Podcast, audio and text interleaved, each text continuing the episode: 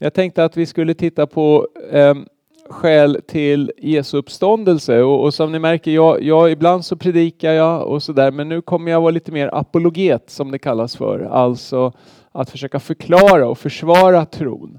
Och eh, det är ju så med den kristna tron att det, gudstro i största allmänhet finns över hela jorden. Det är inte så märkligt att tro på Gud egentligen. I, i vår tid och i vår kultur och just i Sverige idag så, så kanske man tycker så här, tro på Gud är lite konstigt, men egentligen är inte det så konstigt. Och till och med i Sverige så verkar det som att det är ändå, ja, det är lite olika siffror, men i alla fall kanske en tredjedel eller uppåt hälften av svenskarna som ändå tror på Gud i någon mening, kanske ännu fler. Så, eller tro på någon sorts kraft i alla fall. Och sådär. Det som är speciellt med kristen tro är att vi inte tror på Gud i största allmänhet bara. Utan vi tror att Gud har, och det är den stora frågan, har Gud talat? Har Gud gjort sig känd? Har han visat sig? Har han liksom kommit till oss på något liksom avgörande sätt? För att tro på Gud, ja det måste finnas en skapare och sådär. Men liksom den stora frågan egentligen, det är vem är Gud? Hurdan är han och hur får man kontakt med Gud? Det är, skulle jag säga, den stora frågan i, i mänsklighetens historia. Inte huruvida Gud finns. För det verkar nästan finnas inbakat i oss att tro på Gud. Som människor verkar det nästan vara så. Nåväl. Och kristen tro har ju då ett svar på hurdan Gud är, vem han är, att han har visat sig. Att han har kommit oss nära, som Paulus säger. I och genom Jesus Kristus har, har Gud kommit oss nära. Jesus är liksom Guds uträckta hand. Gud på besök. Guds ansikte, Gud som människa. Så vi liksom kan på något vis relatera personligt till Gud. Gud blir inte bara abstrakt där långt borta liksom. Och, och, och, det viktigaste då som Jesus har gjort är att han har dött för våra synder och att han har uppstått igen från de döda. Att han lever, att han verkligen är den han påstod sig vara. Att himlen har börjat redan nu. För en person. Jesus har uppstått från de döda. Inte bara som att han blev uppväckt. Han uppväckte ju själv folk från de döda. Om ni läser i Bibeln så uppväckte han ju folk från de döda, Lazarus och så. Men de levde ju inte i all evighet, de dog ju sen. Men Jesus han har uppstått från de döda till härlighet, så att säga. Han har besegrat döden en gång för alla. Och Det betyder att himlen den så att säga evighet, den verklighet som evigheten kommer bestå av så att säga, har redan börjat hända så att säga för en person, nämligen Jesus. Himlen är här i kraft av att Jesus så att säga är himmelsk om ni förstår vad jag menar, har övervunnit döden. Och när vi då identifierar oss med honom, vi blir så att säga ett med honom andligt, då vi går hans väg, korsets väg här på jorden, då liksom kommer vi också fortsätta i evigheten på hans väg. Vi blir förhärligade, vi får härlighetskroppar. Uppståndelsen är liksom, vad ska jag säga, det är liksom vårt ankare in i evigheten på något vis. Det är liksom vår krok, det, sen följer vi den där linan på något vis. Jesus har uppstått från de döda. Om han inte har gjort det, då är vi lurade. Paulus är ganska tydlig med det där. I första Korintierbrevet 15 så säger han, men om Kristus inte har uppstått, då är vår predikan meningslös. Och er tro är meningslös. Då står vi där som falska vittnen om Gud eftersom vi vittnar mot Gud att han har uppväckt Kristus som han inte har uppväckt om det verkligen är så att döda inte uppstår. Om vi i detta livet sätter vårt hopp endast till Kristus och han inte har uppstått, då är vi de mest beklagansvärda av alla människor. Då är kristendomen världshistoriens största lurendrejeri. Mer än en miljard människor bekänner sig mer eller mindre till Jesus. Och genom historien är det ju ännu flera. Och kristendomen är den största religionen i världen. Och har Jesus inte uppstått så är vi grundlurade. Och det kan vi ju vara, så att säga. Det är teoretiskt möjligt. Faktum är att det är bra att det är teoretiskt möjligt. För det visar att vår tro handlar om verkligheten. Om vår tro inte handlar om verkligheten, då skulle vi så att säga inte ens ha den teoretiska möjligheten av att kunna bli lurade, om du förstår vad jag menar. Det kanske låter komplicerat, men ungefär så här. Om man påstår någonting som ingen kan säga emot på något sätt, då blir det ganska ointressant. Men påstår man någonting som skulle kunna vara falskt, ja, då påstår man någonting om en verklighet som faktiskt har hänt. Som skulle kunna ha hänt annorlunda, men som nu hände så här. Jesus, tron på Jesus, kristendomen är falsifierbar, som det heter på filosofiska. Och det tycker man, vetenskapliga teorier brukar man säga att de ska vara falsifierbara. Det är bra om de är det. För då kan man visa att de är falska. Och sen ska man hoppas att de inte är det. Och så är det med kristen tro också. För att om någon skulle upptäcka en, en, en grav, låt oss säga, där det står en inskription. Här vilar eh, Jesus, Josefs och Marias son och Judas och, och Jakobs broder och, och så vidare. Han som kallades Messias.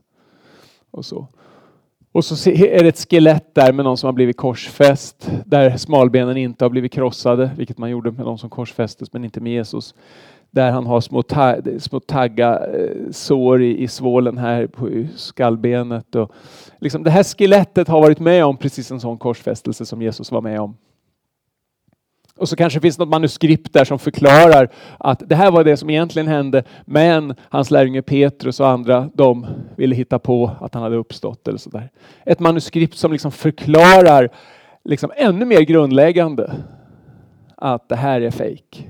Det här som, som sen blev kristendomen.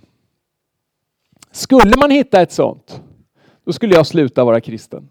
Om, om jag nu var väldigt säker på att det här var äkta så att säga förstås. Då. För det kan ju vara ett fejk också, om du förstår vad jag menar. Och, och, det där är inte, det, där kan man tycka, oj vadå, skulle du sluta vara kristen? Ja, det skulle jag vara, absolut. För att anledningen till varför jag är kristen, det är för att jag tror att det är sant. Om det inte var sant, så är det inget att ha. Då kan vi spela pingis och fika istället för att hålla på och tro på Jesus och gå i kyrkan och ta det här på allvar. Att vara kristen är inte någon fin trevlig grej liksom bara. Ja, det är bra att ditt barnbarn går i kyrkan så de är inte ute och knarkar. Ja, liksom den där motivationen till kristen tro räcker inte, den duger inte. Kristen tro handlar inte heller om en kristen livsstil i första hand. Visst är det väl bra att vara moralisk och allt det där och fråga mig, jag skulle predika om helgelse och en massa sådana här saker. Men ytterst sett så spelar det stor roll. Därför att det här är sant, därför att vi är på väg till himlen. Det är därför vi ska leva heligt och himmelskt redan nu.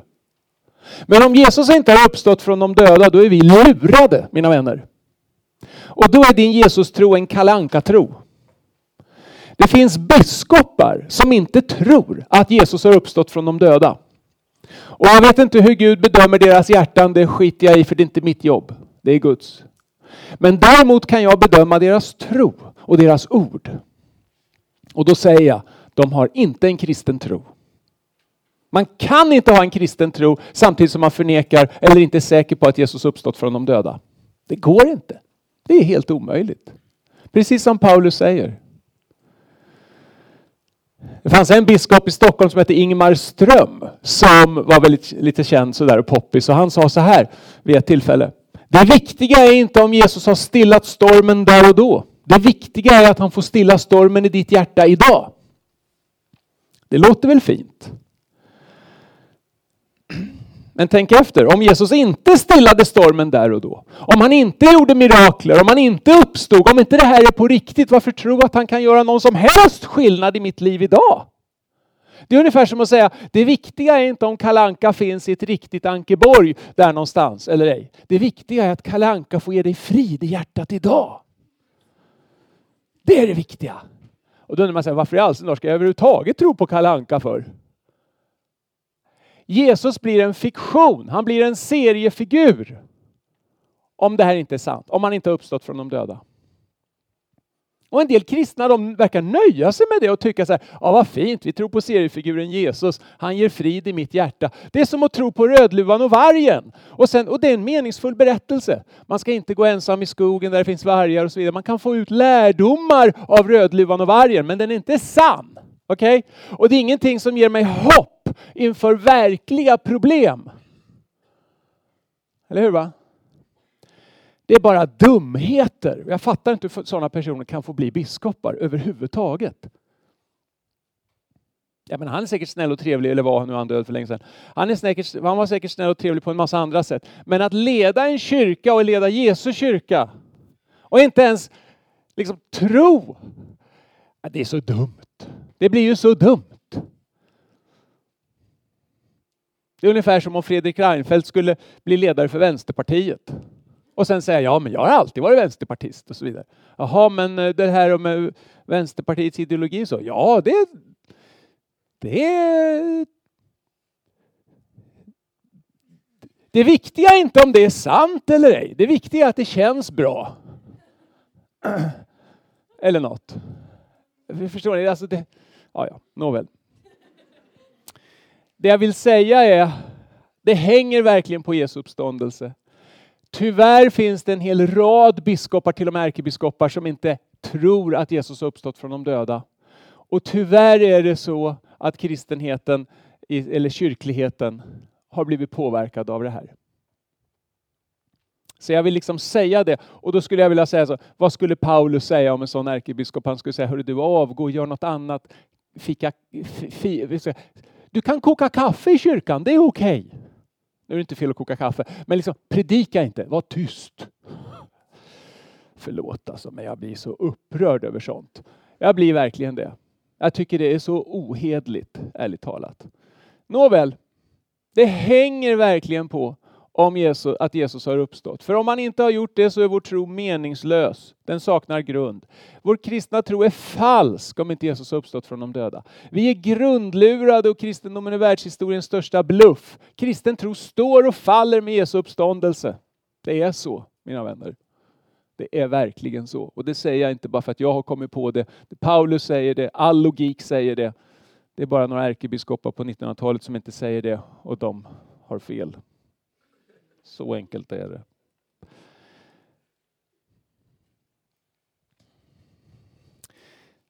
De flesta som tror på Jesus gör det eftersom de på något sätt upplevt Jesus.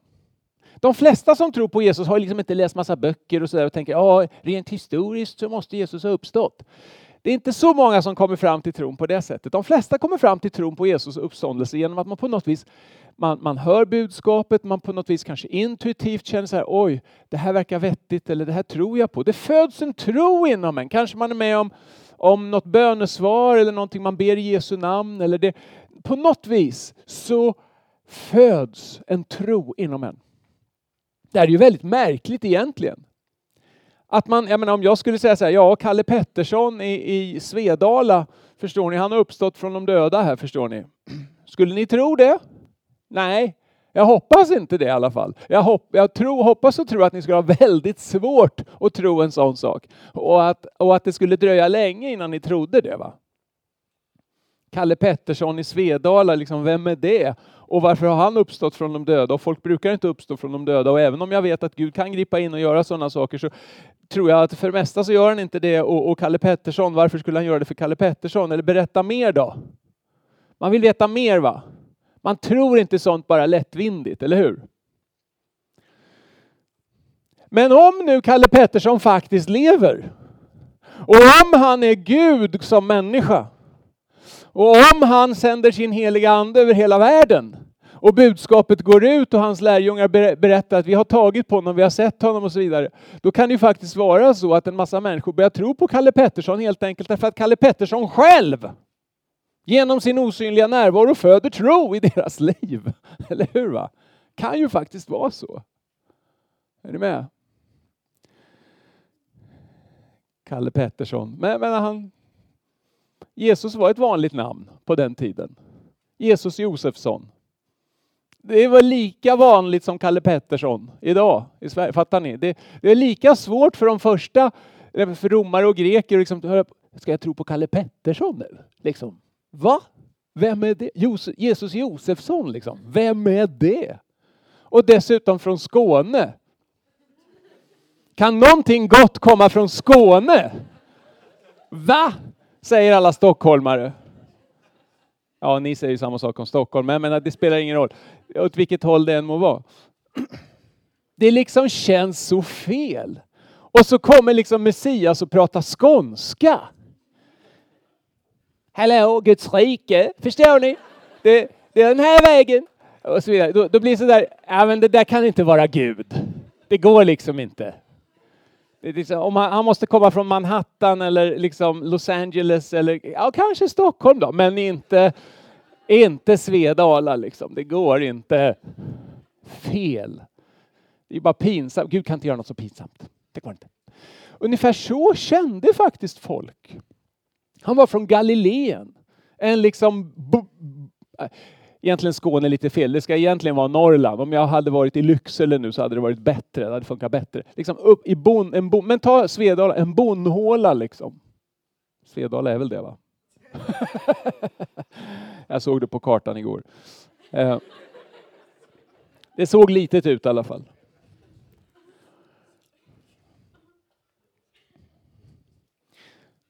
Om Jesus lever, om han är alive and kicking så att säga, och det här är på riktigt, då är det faktiskt inte konstigt att folk börjar tro på honom. Därför att det händer någonting andligt i dem. För då gör Jesus saker. Nu. Då är det kanske inte så konstigt att miljoner och åter miljoner kineser börjar tro på Jesus i dessa dagar. Från 1978 fram till idag så pågår världshistoriens största väckelse, alla kategorier i Kina. Visste ni det? De kristna kineserna, de är inte så där lite försiktiga för det mesta, utan de predikar och kör på så det bara ryker av det. Och, och, och, och de är fler än medlemmarna i kommunistpartiet. Och det är en underjordisk rörelse och så finns det då Tre Självkyrkan och sådär. Det, så det finns lite olika. Men, men, och, och de säger så här, back to Jerusalem säger de.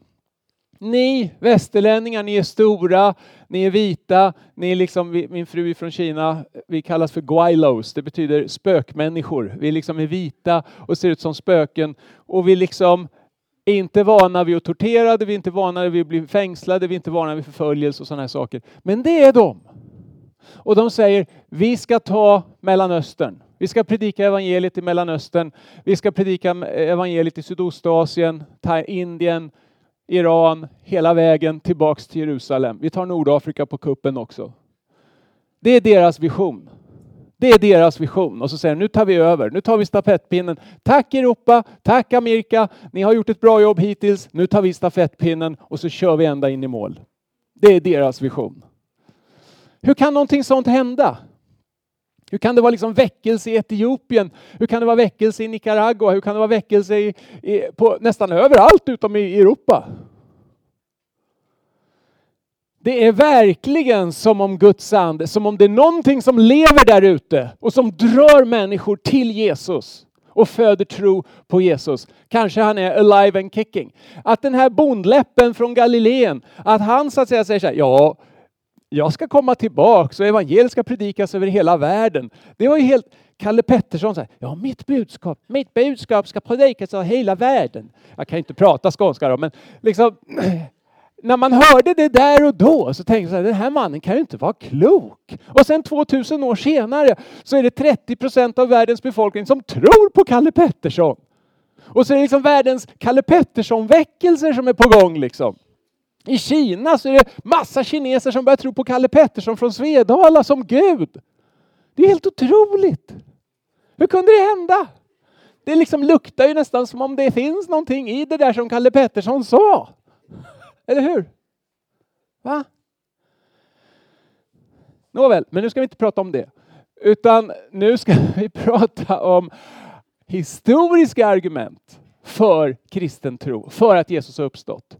Men det jag vill, på, det jag liksom vill måla upp här är, vi behöver egentligen inte, förmodligen inte, de flesta behöver inte sådana här historiska argument. Det är bra att ha. Men det hänger förmodligen på vad den heliga ande gör och den heliga ande drar människor till en tro på Jesus. Det är faktiskt vad som händer. Därför att han är faktiskt levande. Va? Eller om man säger så här, om han är det så är det det här som vore det mest naturliga. Men vi kan också fråga, finns det historiska skäl för att tro på Jesu uppståndelse? Och då tänkte jag peka på tre saker som vi ska prata om. Och som sagt, det här är ju då viktigt kanske i en kultur som inte upplever väckelse, som inte upplever att massa människor tror på Jesus. Vi blir pressade istället. Vi, be, vi betraktas som tokstollar som tror på övernaturliga saker eller som tror på Jesus och sådana saker. Va? Och då är det väldigt intressant att se vad historiker har kommit fram till när det gäller Jesu uppståndelse. Tre historiska fakta. De flesta historiker, och då är inte det liksom bara kristna, utan det kan vara judar som inte tror på Jesus som Messias. Det fanns en som hette Pinkus Lapid, roligt namn. Han dog nyligen, men han forskade på Jesu uppståndelse och han kom fram till att på grund av de historiska bevisen så måste Jesus ha uppstått från de döda. Men han ville inte tro på Jesus som Messias. Därför att han tänkte då att Jesus måste vara någon sorts Messias för hedningarna, för icke-judarna. Det var så han fick ihop det då. Men de historiska bevisen tvingade honom till att säga att ja, det ser ut som om Jesus har uppstått från de döda. Han hade inte någon egen vilja att tro det. Så även skeptiker och även ateister så att säga, skeptiska historiker, håller med om i huvudsak, det finns några udda typer som inte håller med om det här, men i huvudsak, den majoritetspositionen är att graven var tom. Det är historiskt belagt, säger de allra flesta. Att lärjungarna hade upplevelser som de själva beskrev som möten med den uppståndne, det tas som ett historiskt faktum. Och den kristna trons ursprung den kan vi sätta lite parentes kring, vi behöver inte gå in på det så mycket, men det, tanken här är då att kristen tro liksom bubblar fram på ett sätt som kräver en förklaring. Någonting avgörande måste ha hänt för att kristen tro ska explodera fram, så att säga. Vilket var vad det gjorde. Så det är ett historiskt faktum att kristen tro exploderar fram, så att säga, efter något som lärjungarna sa var Jesu uppståndelse. De där tre sakerna håller historiker i stort sett med varann om, oberoende av vad de tror på själva personligen. Då. Och då är frågan då, dels så kan vi fråga oss vad finns det för skäl att tro de här sakerna och sen är frågan, vad är den bästa förklaringen på de där sakerna? Okej? Okay? Vi kollar på den tomma graven lite då. Många källor säger att Jesus var en historisk person. Bibliska och även tidiga kristna källor såväl som utombibliska. Och sen är det klart att när man säger bibliska, de här källorna, de här breven som Paulus skrev och så vidare och evangelierna, de var ju inte bibliska från början om ni förstår vad jag menar. De blev ju det i och med att den kristna kyrkan växte fram och man, man betraktade det här som Guds ord så att säga. Med goda skäl dessutom. Men det var inte som så att de liksom hamnade i en sorts kategori i Bibeln från början om ni förstår vad jag menar. Utan de är ju antika skrifter och ska betraktas som det när man tittar på det historiskt. Vi har en som heter Josefus som var en judisk historiker, Tacitus som var en romersk historiker, Plinius den yngre som jag glömt bort vad han var, Sevtonius var också en historiker, Tallus skrev, man har egentligen inte hans skrifter kvar, men, men han, eh, man har citat från honom från en kyrkofader som heter Afrikanus, om jag inte kommer ihåg fel. Men han skrev på 50-talet väldigt tidigt. Talmud har vi, den judiska Eh, utläggningen där det också finns uppgifter om Jesus. Två kejsare, Hadrianus och Trajanus, skriver om de kristna och, hur de, och vad de trodde och indirekt om Jesus. Så att Jesus är en historisk person finns det mig veterligen ingen seriös forskare som tvivlar på. Och då kan man säga att de som tvivlar på det är då inte seriösa. Nej, just det. Och jag skulle kunna argumentera för varför då förstås. Men liksom, de är väldigt få dessutom. Och den senaste jag stötte på, han var engelska professor, han var inte ens historiker. När jag ordnade en debatt mellan den, han hette Alvar Ellegård, och, en, och William Lane Craig, då en kristen eh, filosof och, han är också doktorerat på Jesu uppståndelse, Craig. Då. När de hade en debatt så var det en i publiken då som var historiker och han var så fruktansvärt upprörd så jag var tvungen att lugna ner honom. Han var så upprörd över att den här Alvar Ellegård drog skam över alla historiker genom att påstå att Jesus inte var en historisk person. Han var så upprörd. Du, du, du kan ju ingenting om historisk metod. Det här är förfärligt. Det här är en skam. Så där höll han på. Och han var inte kristen eller någonting. Han var historiker. Nu får vi lugna ner oss här. Nu ska vi få Craig ta hand om Alvar Ellegård här. Så, tack ska du ha. Så där. Som en illustration på läget, så att säga. Seriösa historiker tvivlar inte på att Jesus är en historisk person. Nya testamentets texter om Jesu död och begravning har hög historisk trovärdighet även i skeptiska forskares ögon. Så den tomma graven förutsätter ju att Jesus har funnits, eller hur? Det fanns en kropp där. Jesus fanns som historisk person. Sen att han dog och att graven var tom. Att han blev, dog, blev begravd och graven var tom. Allt det där måste vi så att säga ha stöd för historiskt. Då. Och det finns. Man kan också resonera så här. Jag går ju väldigt snabbt fram. Det finns ju saker att läsa om man vill fördjupa sig i det här. Om Jesus dödades och lades i en grav. Varför var graven tom? Vem tog hand om kroppen? Här finns det då fem möjligheter som man har tänkt igenom. Det kanske finns andra, det finns andra logiska möjligheter men, men de är så orealistiska eller vad man ska säga, så att man inte riktigt tar upp dem. Till exempel var det ett UFO och sådana där saker. Man kan ju hitta på vad som helst men men kroppen lades i fel grav. Lärjungarna tog hand om kroppen. Myndigheterna tog hand om kroppen. Skendödshypotesen. Och den story som, som sen faktiskt hans efterföljare sa var den riktiga, nämligen att Jesus uppstod. Vi kollar på dem. Kroppen lades i fel grav eller slarvades bort på något sätt. Det här är väldigt osannolikt. Eftersom graven identifierades som Josef från Arimataias grav och var känd av Jesu vänner och motståndare. Så att det här när en, när en person, antik person skriver en bok och namnger personer och namnger personer som dessutom så att säga är lite kända. Josef från Arimathea satt ju i judarnas riksdag, så att säga, i Sanhedrin. Eller de 70 som sa, han var en av de 70. Man namnger inte någons grav så och skriver det om man liksom inte vet vad man pratar om. Det gör att du får hög historisk trovärdighet. Och blanda nu inte ihop hög historisk trovärdighet med någon sorts filosofiska resonemang. En del de tänker så här, ja men det är logiskt möjligt att det skulle kunna vara på ett annat sätt. Ja, det är logiskt möjligt att det kan vara på en miljon olika sätt. Det väger lätt. Det är ingen tungt argument. När man snackar historia så, så har man hela tiden den här attityden av att okej, okay, är det här trovärdigt historiskt? Det finns logiska möjligheter att det kan vara på tusen och en olika sätt. Men att en antik författare ger en sån uppgift, oj, det väger tungt. Det väger tungt. Det tar man in så att säga. Det viftar man inte bort.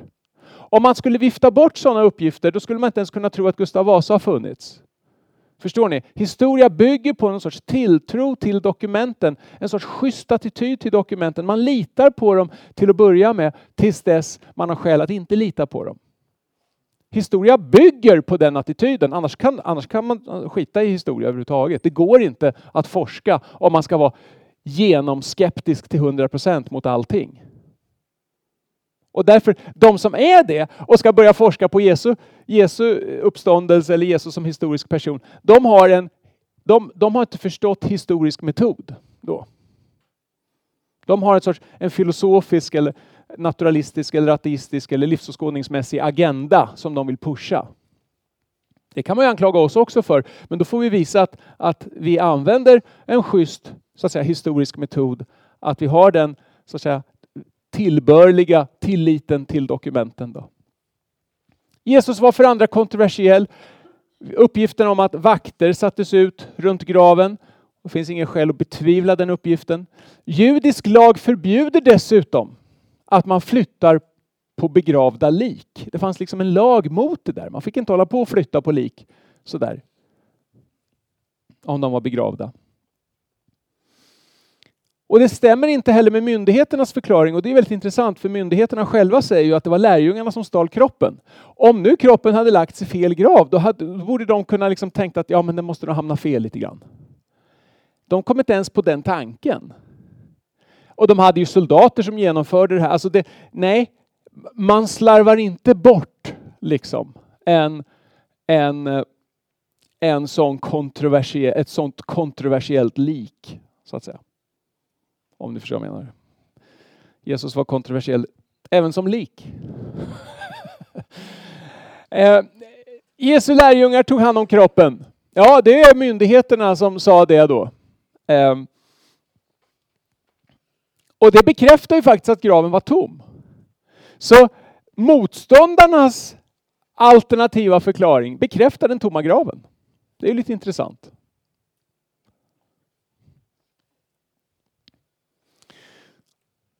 Lärjungarna saknar också motiv att ljuga om detta. Eller hur? va? Eh, varför skulle de ljuga om de, liksom har, tag, om de har stulit kroppen? Och så, och, och, och, och så säger de så här, ja, ja killar, vad, vad ska vi säga? Ja, vi säger att han har uppstått. Då blir de jättearga och säkert vill döda oss också. Ja, vilken bra idé! Ja, det gör vi! Johannes säger så här, äh killar, jag går och fiskar. Nej, ingen sa det. Utan de påstod allihopa att Jesus har uppstått från de döda. Och de har ingen som helst motiv att ljuga, så att säga, om, alltså för de försätter sig i en mycket värre situation genom att säga att han har uppstått. Hade de stulit kroppen, då hade de ju så att säga ja, inte gått ut och sagt att han har uppstått från de döda. Då hade de liksom hållit sig undan med största sannolikhet. Lärjungarna ger också uttryck för en hög etik som tycks utesluta medveten lögn. De säger ju hela tiden man ska inte ljuga, man ska tala sanning till varandra och så vidare. De har ju den attityden i alla andra frågor. Och de var villiga att förföljas och dödas för sin tro på den uppståndne. Alla utom Judas som, som då tog livet av sig och Johannes som Eh, alla utom Judas och Johannes dog martyrdöden. Johannes dog en naturlig död i Efesos. Han var väl något på 90 år eller någonting, ganska gammal.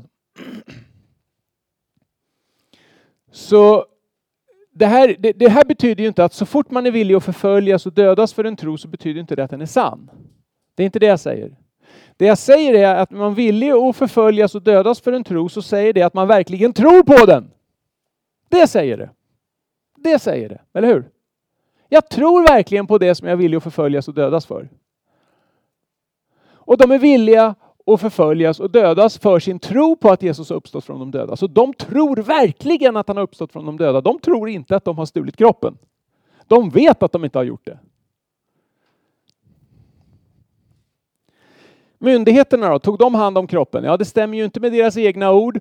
Och om de hade tagit hand om kroppen så hade de ju bara visat upp den, eller hur? När lärjungarna börjar säga att han är uppstånden och de börjar bli medvetna om att den där Jesusrörelsen, den kan fortsätta, den kan få en ny fas. Det här kan bli ännu värre än vad det var från början. Wow! Då hade de ju med lätthet bara kunnat visa den döda kroppen och så hade vi inte haft någon kristendom. Det gjorde de inte, de hade inte kroppen. Skendödshypotesen då? Jesus dog aldrig utan han kvicknade till i graven. Ja, den är också övergiven av forskare. För det är praktiskt omöjligt att bli piskad, korsfäst, få ett spjut i sidan, sen ligga mer än 36 timmar i en uthuggen kall grav, flytta på stenen, skrämma vakterna och sen framstå som uppstånden. Alltså, om Jesus ligger där, liksom han lyckas rulla ner, där han är inbunden, liksom sådär, han lyckas rulla ner, han ålar sig fram till dörren, eller den här stenen, på något vis lyckas liksom få bort den. Tre kvinnor lyckas inte flytta på den, men han på något vis hittar något litet hål där han ålar ut. Han rullar på sig och så vidare. Han är ju full med sår över hela kroppen. Jag vet inte hur lång tid det skulle ta för honom att åla från graven till det ställe där lärjungarna håller hus. Men hur som helst, när han väl kommer fram då, då dunkar han med huvudet i dörren liksom. Och det är någon som knackar och öppnar. Nej, det var ingen där. Ah, där! Jesus, han är uppstånden, halleluja! Nej, inte alls, utan snarare Lukas läkaren kom, han håller på att dö här, nu får vi ta hand om honom. En Jesus som så att säga med nöd och näppe överlevde, det är vad de skulle tro på. inte på någon uppstånden Jesus. Eller hur? va? Knappast.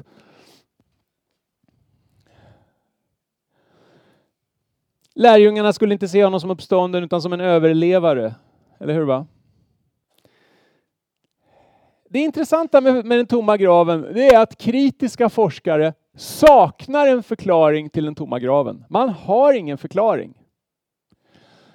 Den tomma graven är ett historiskt mysterium och rimmar väl med tron att Jesus uppstått från de döda. Den tomma graven räcker ju inte som bevis. Det räcker ju inte med att tro att någon har uppstått från de döda bara för att en grav är tom. Det räcker ju inte. Men om man har uppstått från de döda så måste graven vara tom. Det kan man ju säga. Förstår ni? Så, så det är inte bevis nog. Det är ett nödvändigt bevis men inte ett tillräckligt bevis. Förstår ni? Lärjungarnas upplevelse då? Det är ju ett kanske tillräckligare bevis så att säga. Tillsammans med allt annat. Kanske tillräckligt i sig självt också. Medan de talade om detta stod Jesus själv mitt ibland dem och sa frid vare med er. Uppskakade och förskräckta trodde de att de såg en ande. Men han sa till dem, varför är ni så förskräckta och varför stiger det upp tvivel i era hjärtan? Se på mina händer och se på mina fötter. Det är verkligen jag. Rör vid mig och se. En ande har ju inte kött och ben som ni ser att jag har. Och eftersom de av idel glädje ännu inte kunde tro utan stod där förundrade frågade han dem, har ni något att äta här? Och de räckte honom ett stekt, eh, en bit stekt fisk som han tog och åt inför deras ögon. Det, det, det, här tycker jag är väldigt realistiskt beskrivet, va? eller hur? För att det är ju ändå så, även om det var Kalle Petterssons lärjunge i Svedala och han gjorde fantastiska saker, så är det väl ändå lite magstarkt att, att tro att han skulle uppstå från de döda efter att han har blivit liksom totalt arkebuserad med 150 skott. Ja, men liksom totalt massakrerad, stackars Kalle Pettersson. Och att då tro att han lever och så vidare. Det, det, är klart att man tänker ju att det är någonting annat va, först. Om du skulle sova över på något slott och du ser liksom oj, oj, Gustav II Adolf, liksom du ser ett spöke, då tänker du så här wow, liksom finns det någon projektor här? Eh, liksom, mormor bor i det här slottet, har mormor liksom lagt LSD i teet tidigare? Eller vad? Det, liksom, du tänker ju faktiskt på olika alternativa förklaringar. Du tänker ju inte bara att nu ser jag ett spöke. Det kan ju vara så att du ser ett spöke, ja visst. Men du köper ju inte bara det direkt, va? Eller hur? Och nu var det ju till och med så att tron på att det var ett spöke var lättare att tro på än att Jesus hade uppstått från de döda. Jesus säger, men det är inte ett spöke, det är jag. Det är jag. Och så blir han lite trött sådär och säger så här, men okej, har ni någon mat här då? Har ni någon krubb, killar? Ja, jag har mat här. Jag har en fisk här. Och så käkar han den här fisken. Ser ni, den försvann in i min mage. Ett spöke äter inte fiskar som har stekts och som är riktiga. Det var ingen spökfisk, eller hur? va? Och nu försvann den. Så nu, jag är inget spöke. Förstår ni? Jag är en kropp som käkar fisk. Hallå, det är jag. Thomas, en av de tolv som kallades tvillingen, han hade inte varit med när Jesus kom. De andra lärjungarna sa till honom, vi har sett Herren. Men han svarade dem, om inte jag får se hålen efter spikarna i hans händer och sticka fingret i hålen efter spikarna, om inte jag får sticka hans hand i hans sida, då kan jag verkligen inte tro. En vecka senare, åtta dagar därefter, för man räknar alltid den första dagen i judiskt tänkande, åtta dagar därefter samlades hans lärjungar igen där inne och Thomas var med ibland dem. Då kom Jesus medan dörrarna var låsta och stod mitt ibland dem och sa frid vare med er, eller hej på er. Sen sa han till Thomas, räck hit ditt finger och se mina händer. Räck hit din hand och stick den i min sida då. Tvivla inte utan tro. Och Thomas svarade, min Herre och min Gud. Jesus sa till honom, därför att du har sett mig tror du. Saliga de som tror fast de inte ser. Det här tycker jag är häftigt också. Thomas är verkligen en tvivlare. Han borde nog inte varit så tvivlande, ärligt talat. Om du och jag tvivlar som Thomas så är det mer okej. Okay. Det är inte lika okej okay att Thomas gjorde det. Han hade gått med Jesus i tre år. Han hade sett Jesus väcka upp en liten flicka från döden. Talita kom sa han, hon väckte upp, hon började vakna igen. Han hade varit med när Lazarus uppväcktes från de döda. Han hade varit med när Jesus hade helat och gjort en massa saker. Han visste att Jesus hade en bra relation med Fadern och att övernaturliga saker hände runt Jesus. Det visste han. Och så hade han en massa kompisar som han visste hade varit med om samma sak och som han visste var tillförlitliga och allt det här. Och sen när de då säger att vi har mött Herren, han borde trott, han borde trott, han borde trott mycket mer än vad du och jag borde tro. Men han gjorde inte det. Och det är därför Jesus kritiserar honom. Och så säger han, men det kommer att vara en massa människor, underförstått nu då, lite tolkat, men det kommer en massa människor som kommer vara saliga. De kommer inte se som du, men de kommer tro ändå. Det ligger en salighet i det. Det ligger något riktigt bra i det. Wow! Tänk att få tro fast man inte behöver se på det där sättet. Jag meddelade er, ja ni ser ju vart, skriv, vill ni ha bibelställena så är de ju på slutet här då. Johannes 20, 24 till 29. Och den tidigare var Lukas 24, 36 till 43. Jag meddelade er det allra viktigaste, vad jag själv hade tagit emot. Att Kristus dog för våra synder enligt skrifterna, att han blev begravd, att han uppstod på tredje dagen enligt skrifterna och att han visade sig för Kefas, det är Petrus det och sedan för de tolv. Därefter visade han sig för mer än 500 bröder på en gång, av vilka de flesta ännu lever, medan några är insomnade. Sedan visade han sig för Jakob och därefter för alla apostlarna. Allra sist visade han sig också för mig, skriver alltså Paulus då. Och det här är ju eh, en av de viktigaste texterna rent historiskt så att säga.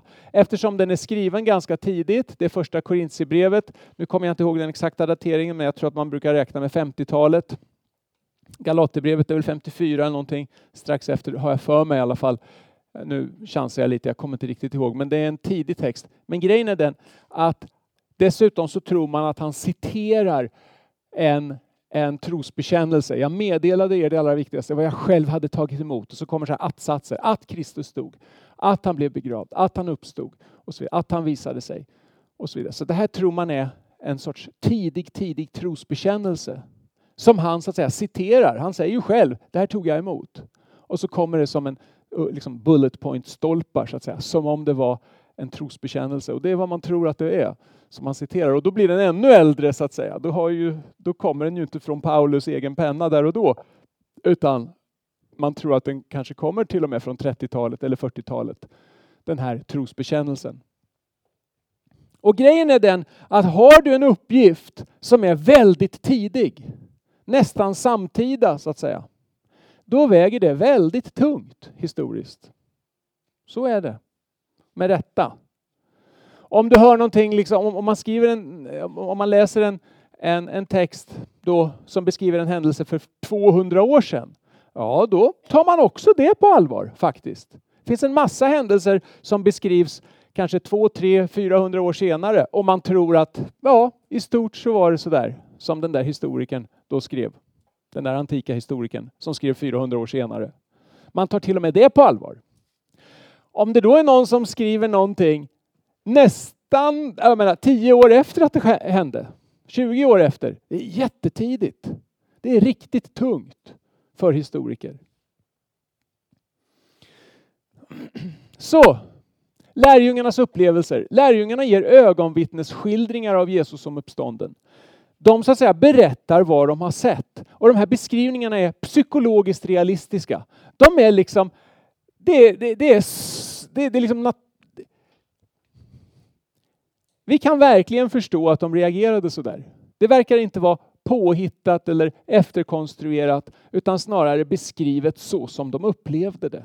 Och det innehåller pinsamheter för lärjungarna själva. Ledaren för den här rörelsen, Petrus, han gör ju bort sig gång på gång i evangelierna. Eller hur? va? Och han gör ju också bort sig eh, i samband med Jesu död och uppståndelse. I samband med Jesu död då så, så ska han ju försvara Jesus. Han drar sitt, sitt, sitt svärd. Han har ju liksom sagt, jag, ska inte, jag, jag är beredd att gå i döden för dig. Och sen så den där killen som han är beredd att gå i döden för, Jesus själv säger då, nej, nej, nej, stoppa ner svärdet i skidan. Jaha, då vet han liksom inte hur han ska bete sig. Och då tänker han, ja men jag är smart, jag följer efter här. Jag är lite spion. Jag följer efter och kollar. Vad är det som händer här? Oj, det är visst någon som känner igen mig. Nej, nej, nej, det är inte jag. Nej, det är inte, det är, jag är ingen lär, lärjunge till Jesus. Nej, honom känner jag inte. Jag ska ju vara här inkognito och liksom så här, se om jag kan rädda Jesus. Och på kuppen så, att säga, så, så förnekar han Jesus tre gånger. Och när tuppen gal för den andra gången den morgonen, som precis Jesus sa, tuppen ska, när tuppen gal den andra gången, ja det står, ja, det står så på ett ställe, det är lite förenklat på andra då. När tuppen gal så har du förnekat mig tre gånger. När, när klockradion drar igång, då har du förnekat mig tre gånger. Typ. Innan morgonen. Och det var precis vad som hände. Och, och, Petrus liksom förstår och han gråter bittert. Han gör liksom bort sig i samband med Jesu död. Han, han, eh, han får ju möta Jesus som uppstånden, han får den här frågan, älskar du mig? tre gånger. Liksom det blir så tydligt att han verkligen inte är den där perfekta ledaren. Både här och tidigare när Jesus är på här, för förklaringsberget, ni vet, och Petrus blir så förvirrad och tänker så här, ja, här är det bra att vara, vi bygger tre hyddor. Uh, här tältar vi killar. Uh, ja, och... När han säger, du är Messias. Ja, det är jag och jag ska dö. Det ska du inte alls, säger Petrus. Tig Satan, säger Jesus. Wow, eh, vad sa jag nu som var fel? Alltså Petrus gör ju bort sig gång på gång på gång och han är ledaren för den här rörelsen, eller hur? Det är jättekonstigt. Om han skulle ljuga eller om de här första kristna skulle ljuga om saker och framställa ledaren som liksom en, en flopp. Eller en person som gör bort sig gång på gång. Va? Pinsamheter. Om man är villig att luras, då tar man absolut, det, det första man stryker är pinsamheter om en själv. Eller hur? Det som skrivs sprids och tros på medan många ögonvittnen själva lever. Och det här är ju intressant. Här måste man känna till lite grann om dateringen. Vi ska köra en snabb dateringsgrej här då. Häng med. Man vet från icke-bibliska källor att Paulus och Petrus dog i början av 60-talet. Inte 1960-talet, det är inte Beatles vi snackar om, det är Paulus och Petrus, det riktiga 60-talet i mitten där blev de båda dödade av eh, Nero var det väl va? Som man tror tog livet av dem. Alla håller inte med om det här resonemanget, men jag tycker det ändå verkar vettigt. Titta i Apostlagärningarna. De två mänskliga huvudfigurerna är Petrus och Paulus. Den verkliga huvudfiguren i Apostlagärningarna är den helige Ande. Men först berättas det om Petrus och sen så går det över till Paulus. Båda de här två dog i mitten på 60-talet. Apostlagärningarna slutar med att Paulus är i Rom i husarrest. Ungefär. Där slutar det. Om det var så att Lukas skrev den sista raden på Apostlagärningarna efter mitten på 60-talet, där både Petrus och Paulus hade dött, så hade han förmodligen indikerat det på något vis, skrivit om det eller någonting sånt. Det är väldigt rimligt att tro att Lukas avslutar apostlagärningarna innan Petrus och Paulus dör i mitten på 60-talet. Det betyder att apostlagärningarna är skriven förmodligen i början av 60-talet eller någon gång på 50-talet. Det betyder också då att eftersom Lukas skrev apostlagärningarna och Apostlagärningarna är Lukas del 2 så betyder det att Lukas del 1, det vill säga Lukas evangelium, skrevs innan Apostlagärningarna. Då, förmodligen på 50-talet. Utifrån det här resonemanget. Men Lukas i sin tur bygger på Markus, bland annat. Ja, framförallt då han har gemensamma verser med Matteus också. Men, men man tror ju enligt det som kallas för tvåkällshypotesen, som jag tycker verkar rimlig, så är Markus det första evangeliet. Och sen kommer Lukas och Matteus efter det och så kommer Johannes sist. Så om apostlagärningarna kommer i början av 60-talet, kanske 50-talet, så kommer ju Lukas då 50-talet. Ja, Markus kanske skrivs i början på 50-talet, kanske 40-talet.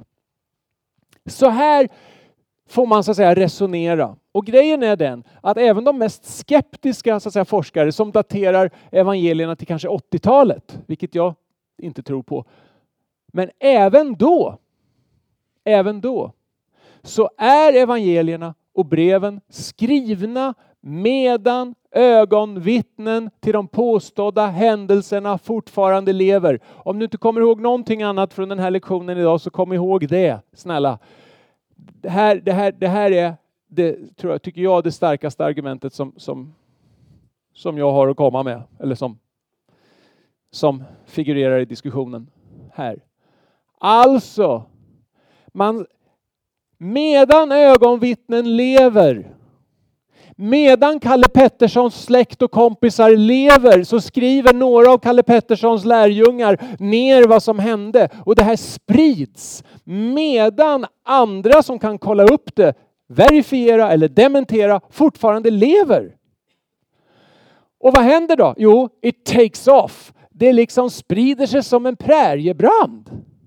Så till den grad att vi idag har 24 000 manuskript av Nya Testamentet på grekiska och latin och lite andra sådana här språk tidigt. Alltså vi har alltså, Nya Testamentet kopierades innan det fanns kopieringsmaskiner eh, i en enorm mängd, översattes tidigt och citerades. Lärjungarnas lärjungar, de apostoliska fäderna, har ni talat om dem? Polycarpus, han var lärjunge till Johannes. Till exempel, Polycarpus brev finns där. Det finns massa andra brev. Lärjungarnas lärjungar citerar hela Nya Testamentet utom elva verser. Även om vi inte hade ett enda Nya Testamentet så skulle vi kunna få i stort sett hela budskapet i alla fall. Visserligen i oordning och huller om buller, men vi skulle ändå få texterna så att säga. Via lärjungarnas lärjungar. En generation efter.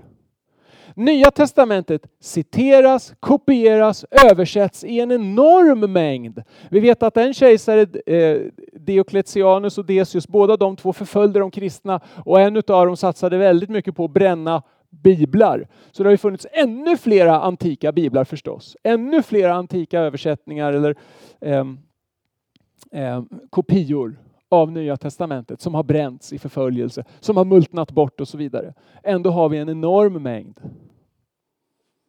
Det är ju väldigt intressant.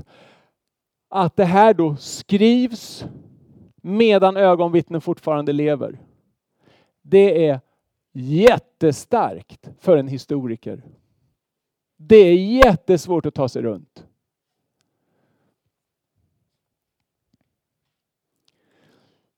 Och dessutom då så dör de martyrdöden. Det, det berättar Eusebius om, en kyrkohistoriker på 300-400-talet. Och jag har inte hört några tvivel om de berättelserna så att säga. Det kanske finns tvivel om någon och sådär exakt. Det finns olika versioner. Vem, hur, dog, hur dog han och hur dog han och så vidare. Att de dog på lite olika sätt. Men att de dog martyrdöden, lärjungarna, det tror vi oss veta. Och de dog då martyrdöden för tron på att kristen tro var sann och det hänger på att han har uppstått. Uppståndelsen är själva nyckeln för deras kristna tro som de dör för. Om lärjungarna talar osanning om sina upplevelser, vi har mött honom, vi har tagit på honom. Om de ljuger om det, vad finns det för alternativ? Ja, den skeptiska forskaren Gerd Lydeman tror att lärjungarna hade de här upplevelserna men att de var hallucinationer. Och det är inte många som tror på det, men Lydeman tror på det. Han har debatterat William Lane Craig om det här. Och problemet med hallucinationer är ju Ah, det finns flera problem. Ett problem är att syner av döda förekom i antiken, men de tolkades aldrig som bevis för att personen uppstått, utan som bevis för att personen var död. Så får man en sorts syn av att någon död person då liksom är där, man ser den här döda personen. Oh, jag ser då in i paradiset, eller jag ser in i dödsriket, jag ser den där personen där och han har det bra eller, eller dåligt. Eh, eller vad det nu är. Men det är inte ett bevis på att personen har börjat leva. Det är intressant tycker jag. Jesus visade sig flera gånger på flera olika platser för flera olika personer, även skeptiker, Thomas och Jakob, hans egen bror alltså, som inte trodde på honom från början, som faktiskt trodde att han var mentalt sjuk från början. Fiender, Paulus som förföljde de kristna, visar han sig för. På ett lite annat sätt kanske, men det är ändå, det är ändå så pass påtagligt att, att hans att hans, eh, det är inte bara en privat syn som Paulus har, utan även de som är runt omkring honom hör någonting och ser det här ljuset. Hallucinationer kan inte förklara det. Hallucinationer är ingenting man har som grupp, så att säga. Det finns inte grupphallucinationer. En hallucination har man när det är någonting som är fel. Man kanske inte har fått tillräckligt med mat och vatten eller man kanske är, mentalt sjuk på något vis eller man, man eh, har fått en drog eller någonting sånt. Va? Och det är något som sker med en person. Om jag är mentalt sjuk så är det inte så att jag delar den mentala sjukdomen liksom med andra. Som han som, som sa så här att jag är Napoleon. Jag är Napoleon. Nej, på ett mentalsjukhus då. Nej, du är väl inte Napoleon? Vem har sagt att du är Napoleon? Det har Gud sagt. Och mannen i sängen bredvid säger, det har jag visst inte.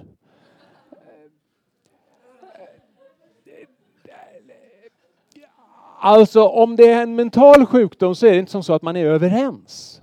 Det är inte som så att mentalt sjuka personer, jag vill inte skoja om mentalt sjuka egentligen, för det, men man kan ju skoja om lite effekter som kan bli av det. Men, men mentalt sjuk, har man en mental störning så att säga, som verkligen, då har man inte det liksom tillsammans. Man är inte överens med en massa andra som har samma sjukdom så att säga. Utan man tenderar att vara väldigt oöverens, kort och gott. För man lever i sin egen lilla värld. Det är precis det som är grejen. va? Eller hur? Det finns inte kollektiva hallucinationer. William Lane Craig han säger så här, om vi förkastar Jesu uppståndelse som den enda vettiga förklaringen av lärjungarnas upplevelser så har vi ännu en gång, utöver problemet med den tomma graven, ett oförklarligt mysterium framför oss. Den kristna trons ursprung eh, kör vi lite snabbt här då. Även skeptiska forskare håller med om att de tidigaste lärjungarna trodde att Jesus uppstått från de döda. Den judiska messiastron som lärjungarna hade på Jesus krossades när Jesus dog. För den judiska messiastron var ju att när Messias kommer så kommer det eviga riket att börja och Messias kan inte dö. För det är ett evigt rike som han kickar igång. Så de, de tolkade ju, alltså Gamla Testamentets Messias-profetier är ju inte, de är inte jättelätta att tolka så att säga, innan det händer. De är lättare att tolka after the fact, så att säga, i efterhand. Men de är inte så lätta att tolka innan, om ni förstår vad jag menar. Det fanns judiska rabbiner som tänkte att ja, Messias ska tydligen komma och dö, men han ska också komma i seger. Hur i all sin dar är det? Ja, men en del sa så här, ja, men det är två Messiasar som kommer. En som kommer lida och dö och en som kommer att segra. Och en del sa så här, nej det är en och samma fast han kommer först och lider och dör och sen kommer han tillbaks och segrar. Ja, de visste inte riktigt vad de skulle tro. En del, ja, från kristet perspektiv så hade ju en del av dem, eh, några hade rätt. Men alltså det är inte så lätt att förutsäga i förväg, om ni förstår vad jag menar. Precis hur de här ska tolkas. Och den judiska messiastro som liksom fanns på Jesu tid var väldigt politisk och det var just också att Messias kan inte dö. Och det är också därför Petrus reagerar så starkt. Det är klart att du inte ska dö. Det fattar du väl? Du vet väl vad vår tro säger? Tron på att Messias skulle uppstå till härlighet innan domedagen fanns inte heller i judisk tro.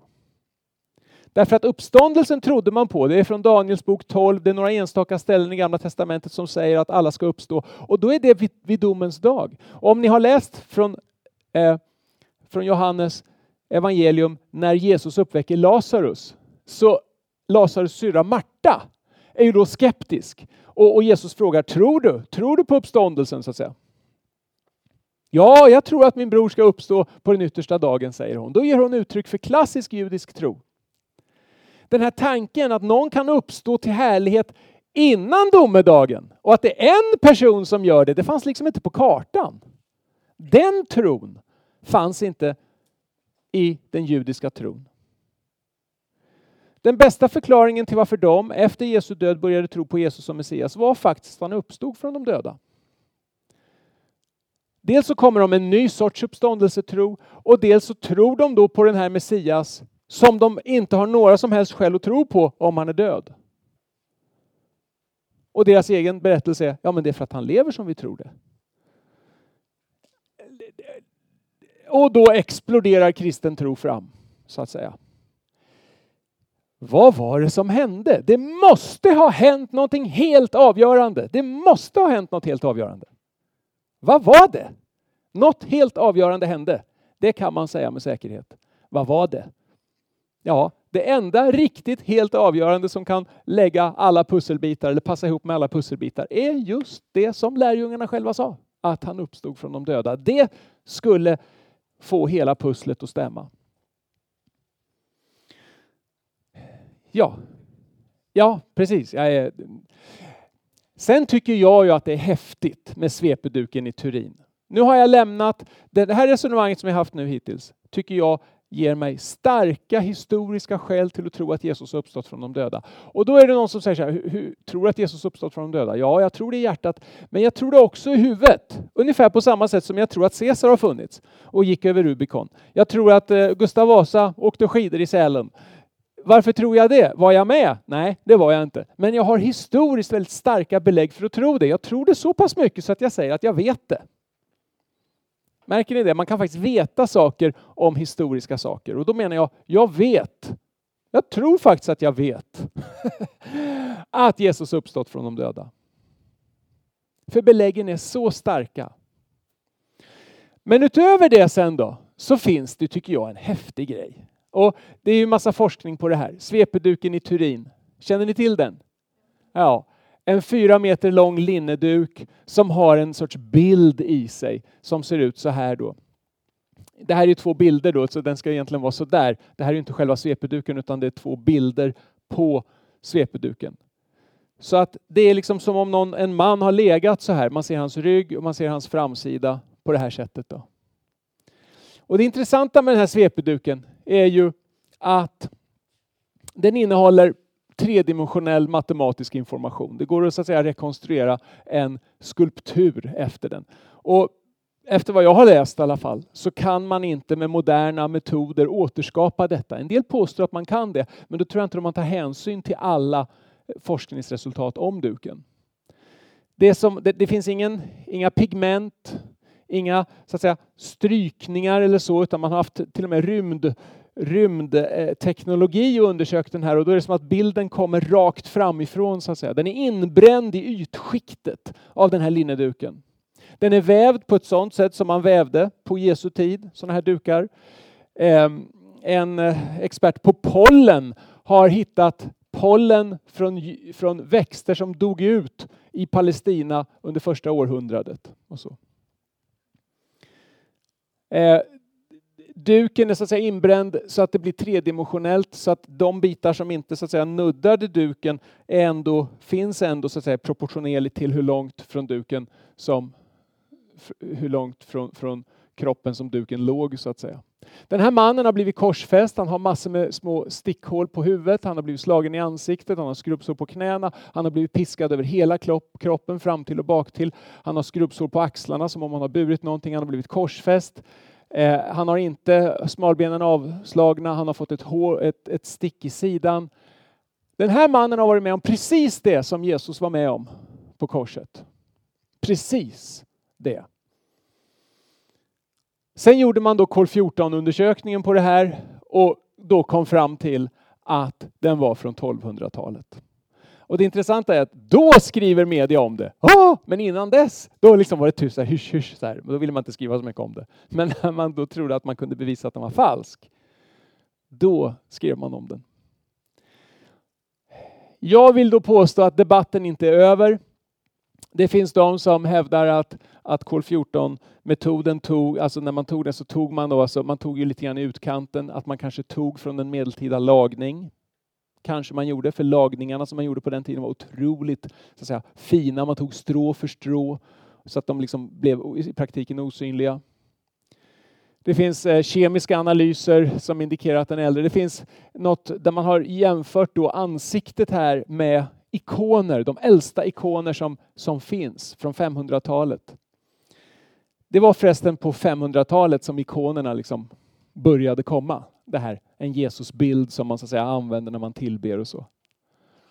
Och det intressanta är att de äldsta ikoner man har, när man så att säga tar det en, en, bild på det, slänger in i en dator, tar en bild på det här och slänger in i en dator och sen kör man ett program som jämför olika bilder för att se om de har en, en relation till varandra. Och så hittar man points of contact som det heter, alltså kontaktpunkter, likheter. Då får man massa träffar mellan det här ansiktet och de tidigaste ikonerna. Det finns också eh, gamla manuskript som säger att i Edessa, den, den, den, det första kristna rikets huvudstad i Armenien, så hittade man någonting på 500-talet in, inmurad i stadsmuren. Någonting som var någon sorts avbild. Om det var svepeduken så förstår vi varför ikoner kickade igång. För vi vet nämligen att kristna på 200-talet inte visste hur Jesus såg ut. Man har hittat bilder på Jesus i katakomber där han ser ut som Apollos, någon sån grekisk gud, inget skägg. Han ser inte ut som en jude för fem öre, utan som en grekisk yngling på den tiden. Så kristna på 200-300-talet visste inte hur Jesus såg ut. Den klassiska Jesusbilden kommer på 500-talet i samband med att man hittar någonting i den här, i den här eh, muren i den för, det första kristna rikets huvudstad. Om det var svepeduken som man hittade, vilket jag liksom tror, jag ska inte säga att jag vet det, men här tror jag det. Då, eh, då skulle det förklara väldigt väl varför man då, för då blir det så här, oh, det här är ju Jesu ansikte. Wow, det var så här han såg ut. Och Jesus är Gud, det vet vi. Ja, men då målar vi av honom. Då får man använda det i tillbedjan. Då hjälper det mig att tillbe därför att jag kan se in i Jesu ansikte, för det var så här han såg ut. It makes sense. Ikoner make sense helt plötsligt. Och de, lik, och, och de har en massa points of contact med just det här ansiktet. Det verkar jättekonstigt om man först målar ikoner och sen så gör man ett falsarium på en svepeduk som man säger, det här var Jesu liksvepning som har kommit till på ett övernaturligt sätt. Det blir bakvänt va? Här är en målning som bygger på ansiktet i svepeduken. Jag vet inte, jag blir lite sådär lite from då och känner så här, men Jesus det är ju du. jag vet inte. Hur som helst, mannen i svepeduken såg ut så här. Om svepeduken är Jesu äkta svepning, vilket jag tenderar att tro, debatten är inte över. Är det det så har vi ett jättehäftigt bevis för uppståndelsen skulle jag säga. Men som sagt, vi ska inte hänga upp vår tro på någonting sånt. Men eh, personligen så lutar jag åt att tro att det här är är, är, är äkta faktiskt, trots kol 14. Vi får se hur debatten fortsätter och vad som händer. Så häkta inte upp din tro på det, men ha det, bevara det i hjärtat som en möjlighet. Hörni, ska vi be en, ja, en fråga? Ja, det är ju precis det ingen vet, utan då är ju det, alltså, då är det ju då om, som det står i Bibeln, att Guds kraft uppväckte Jesus från de döda. Att det faktiskt var en fysisk kraft, det var en fysisk kropp som skulle börja leva. Så någon form av fysisk kraft måste komma där. Och då är det en sorts, för, för det man säger är att den här bilden har uppstått genom en ljus eller värmekälla som är så att säga momentan. Så här. Så inte liksom håller på längre utan bara så här, jättesnabbt. Ljus eller värme jättesnabbt som har gått genom duken och lämnat ett, ett inbränt märke liksom, av den här kroppen. Det, tycker, jag, det tycker jag rimmar väl med Jesu uppståndelse. det går inte att bevisa vetenskapligt att det var det eftersom det var en övernaturlig händelse som vi inte kan fånga vetenskapligt. Så att, men vetenskapen kan ju peka hän mot en religiös förklaring om det inte finns någon vettig naturlig förklaring och det finns en religiös kristen kontext och it makes sense på en massa andra sätt. Då menar jag att det är rationellt att tro på det. Men jag skulle vilja säga att än så länge kanske det inte är rationellt att tro på det. Det kanske är på grund av att jag redan tror på Jesus som jag tycker att det här verkar så rimligt. Eh, det, det kan jag hålla med om. då. För kol 14-metoden, det där måste vi fråga oss. Vad, hur, hur blev det fel där, om, om den nu är äkta? Eller är det som så att det fanns något geni på 1300-1200-talet som liksom hittade någon metod att göra en sån här sak på som vi inte har lyckats efterhärma bara. Det kan ju vara så också. Det får man ju vara öppen för. Bra hörni, ska vi be en kort bön här då? Nu har ni fått argument för Jesu uppståndelse. Jesus, jag vill tacka dig för att du har lämnat spår efter dig. Du har inte bara kommit och sen liksom har inte så mycket hänt utan det har hänt otroligt mycket saker efter att du kom. Och precis sådana saker som du sa skulle hända har ju hänt. Och Guds, Guds rike, evangeliet om Guds rike har verkligen gått ut över hela världen och håller på att gå ut över hela världen. Och din ande vittnar om dig Jesus och vad du har gjort och tillämpar det i människors liv och, och det händer ju saker över hela världen. Jag tackar dig verkligen, verkligen för det. Tack också för att det finns historiska spår som du har lämnat efter dig. Tack för apostlarnas vittnesbörd. Tack för att de gav sina liv för att vittna för dig. Tack för att de skrev ner. Tack för att du ledde dem, Herre. Tack för att vi har det idag. Tack för att vi har så fylliga berättelser om dig. Tack att vi kan läsa det och det talar till oss idag och du använder det. Det är ditt ord. Tack för allt detta, Herre. Det skulle kunna varit så att ingenting av det här fanns. Men nu finns det och du har gjort de här sakerna och vi får tacka dig för det. Jag vill be Herre för oss alla att vi ska få ha en trygghet i tron, en trygghet att förstå att nej, men det finns goda skäl i huvudet också. Det är inte bara hjärtat det hänger på, det hänger på det, men inte bara. Det finns goda skäl. Tack för det. Tack för att det är så uppmuntrande. Jag vill särskilt be för de ungdomar här som kämpar med tvivel och som tycker att det är svårt att tro på dig. Jag vill be Jesus att du skulle tala till dem både i huvudet och i hjärtat. Jag ber om det och att de skulle få känna, nej men jag kan tro. Jag, jag tror. Jag ber att tro ska få födas och att vi ska förstå att det hänger ihop, huvud och hjärta. Jag ber om det. Tack i Jesu namn. Amen. Amen.